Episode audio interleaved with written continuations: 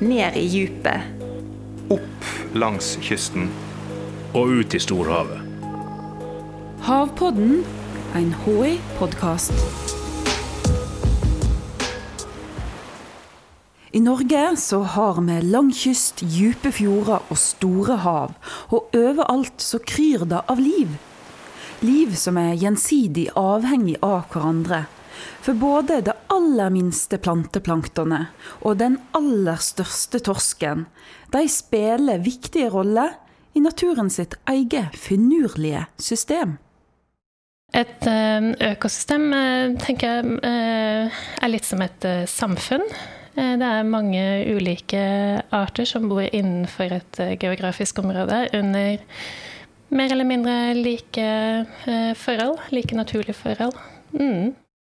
Jeg heter Mette Skernmausen, og jeg jobber med, mest med de store havøkosystemene. Hva type ulike typer økosystem har vi?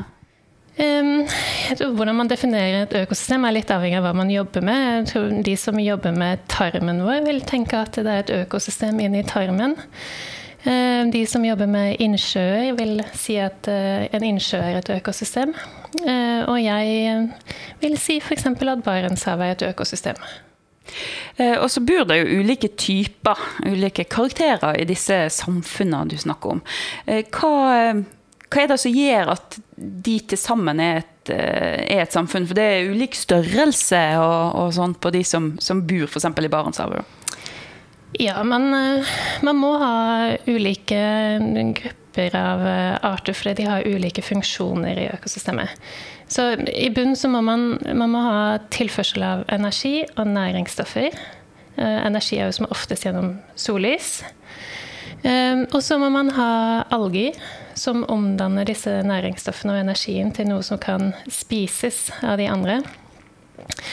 Eh, og så må man ha beitere som beiter på algene, akkurat som vi har eh, elg eh, og sau på land. og så kan disse beiterne igjen spise Disse beiterne de er jo bitte små i havet, da. Det, er jo dyreplankton vi snakker om det. Eh, og dyreplankton igjen er viktig matkilde oppover i, i, i næringskjeden til fisk og sel og hval og sjøfugl. Du bruker ordet næringskjede. Hva, hva betyr det for noe? Ja, Næringskjeden den beskriver på en måte hvordan energien flyter fra sol og næringsstoffer og gjennom dette samfunnet mellom arter. Og, og oppetter, for de blir større og større? Det er litt både ja og nei. fordi eh, på toppen av næringskjeden i Barentshavet så, så har vi jo bl.a. torsk. Eh, mens vi kan ha store hvaler som er litt lenger ned i næringskjeden. Fordi torsken spiser store fisk. Mens vi har blåhval som spiser små dyreplankton. Så torsken kan over blåhvalen i, i, hierarkiet her? Ja, på en måte så kan den det.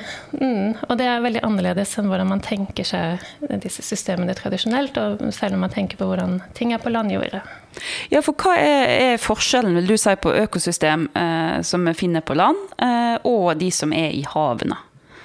En av det viktigste er selvfølgelig at i havet så foregår ting veldig mye i tre dimensjoner. Du har et volum og ikke, en, ikke et areal som man har på land. På land så har man ofte eh, litt sånn tydeligere grenser. Det er lettere å se hva som er et økosystem. I havet så flyter dette over i hverandre. Vi har snakket om Barentshavet som et økosystem, men eh, Barentshavet er veldig eh, påvirket av hva som skjer i Norskehavet f.eks. For fordi det er arter som kommer fra Norskehavet inn i Barentshavet, og som kommer ut igjen. Så, og vannmassene som flyter gjennom Norskehavet først og inn i Barentshavet. Så, så grensene er veldig forskjellige. Eh, og så er det jo litt eh, eh, På landjorda så er jo beiterne viktig for oss, for det er de vi spiser. Vi spiser sau og, og, elg og hjort og disse. Vi spiser jo ikke ulv, som er høyere oppe i næringskjeden. Men eh, vi spiser jo torsk, eh, som er på toppen av næringskjeden i, eh, i havøkosystemene. Uh, og det blir jo litt som vi skulle egentlig høste vel på landjordet skulle høste av uh, uh, ulvens predator, altså den som spiser ulv, som ikke eksisterer på landjordet. Så vi har veldig lang, sånn lange næringskjeder i havet i forhold til det vi har på land.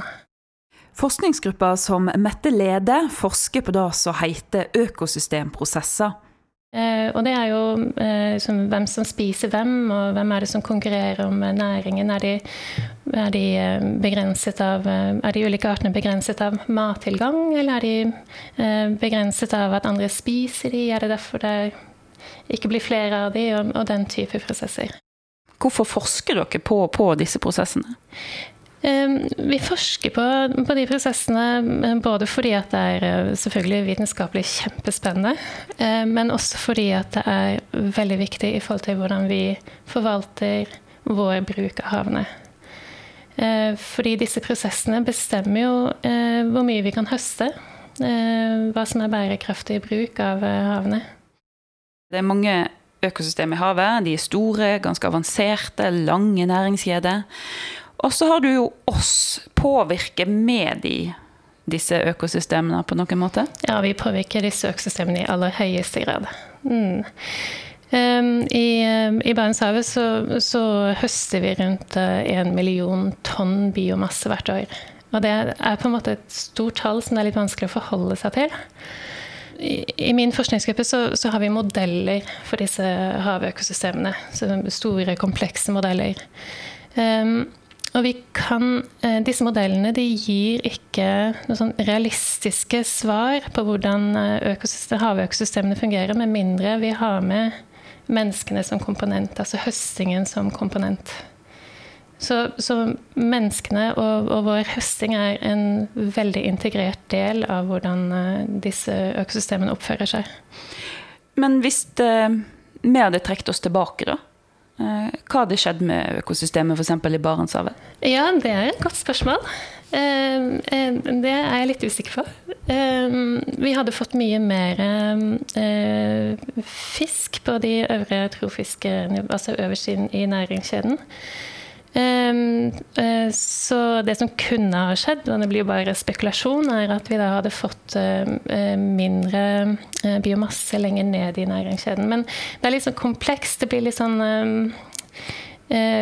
For noen ville ha blitt beitet mer når vi får mange på topp i næringskjeden, mens så de som er under der igjen, ville kanskje fått blitt beitet mindre, da. Så det blir litt sånn ja, litt sånne kaskadeeffekter, som vi kaller det. Som er litt vanskelig å forutse. Domino, egentlig? Ja, domino, domino er kjempegodt ord. Mm. Mm. Men disse dominobrikkene, altså hvordan er det i et økosystem hvis én art blir vekke? Det er mange arter som kan forsvinne uten at det vil noe, gi noe stor konsekvens for økosystemet. Eh, men det er også en del arter som har en veldig sentral funksjon. Vi kaller det gjerne nøkkelarter som vil gi en veldig stor konsekvens hvis de forsvinner. Um, og eksempler på dette f.eks. er torsken, uh, som uh, er veldig viktig i de økosystemene denne, fordi uh, den i hvert fall tradisjonelt har hatt veldig stor biomasse. Det har vært veldig mye av den, og den spiser mye. Sånn at den, har, den påvirker hvordan økosystemet ser ut og fungerer. Eh, og andre, andre viktige arter er f.eks. tare. Tareskog.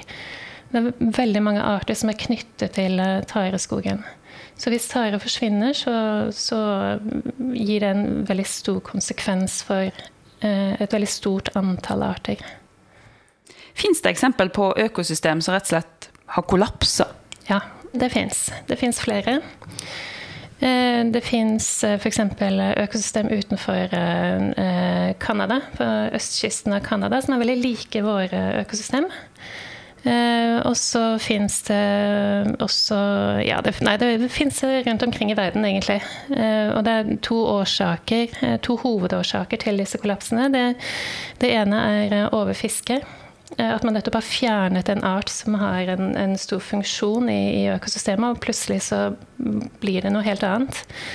Eh, og med fjerne eh, betyr ikke at de har fjernet alle individene, men at bestanden blir så liten at den funksjonen den hadde, blir borte. Og på østkysten av Canada så var det nettopp overfiska torsk som gjorde det. Ellers har man andre eksempler, f.eks. rundt Australia, hvor tareskogen har forsvunnet pga. klimaendringer. Eh, og man sitter igjen med noe helt annet. Og så er det ofte Jeg tenker at ofte folk tenker at når et økosystem kollapser, så, er det bare, så blir det bare dødt. Men det blir det ikke. Det, men det blir noe annet. Eh, det kan bli noe helt annet enn, enn det man hadde i utgangspunktet. Eh, og et stikkord er jo klimaendringene, for nå vet vi at det skjer Ja. mye endringer i klimaet vårt. Ja.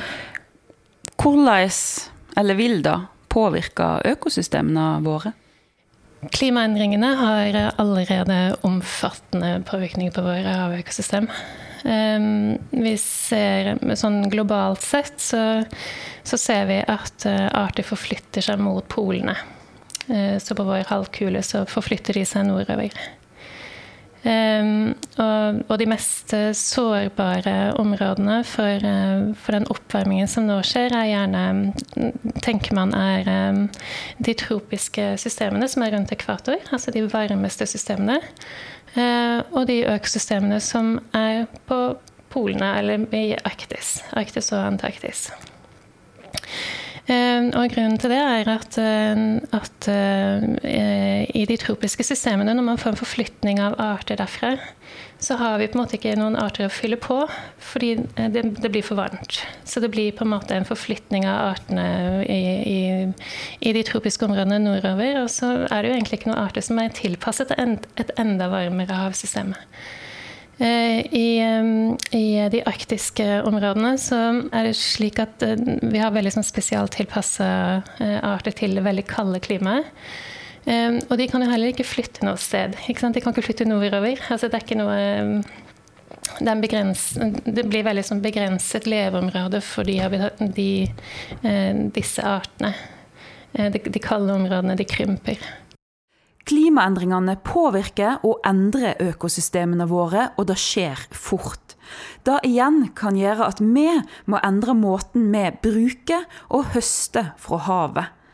Vi må klimatilpasse oss. I min forskningsgruppe så jobber vi mye med dette med å prøve å se på hva er liksom vår samlete påvirkning på tvers av alle aktivitetene som vi har i havet. Hva er konsekvensen av den totale påvirkningen der, eh, i tillegg til klimapåvirkningseffektene. Og er det mulig å vurdere om summen av alt det der er innenfor bærekraftige rammer, eller om vi må gjøre noe?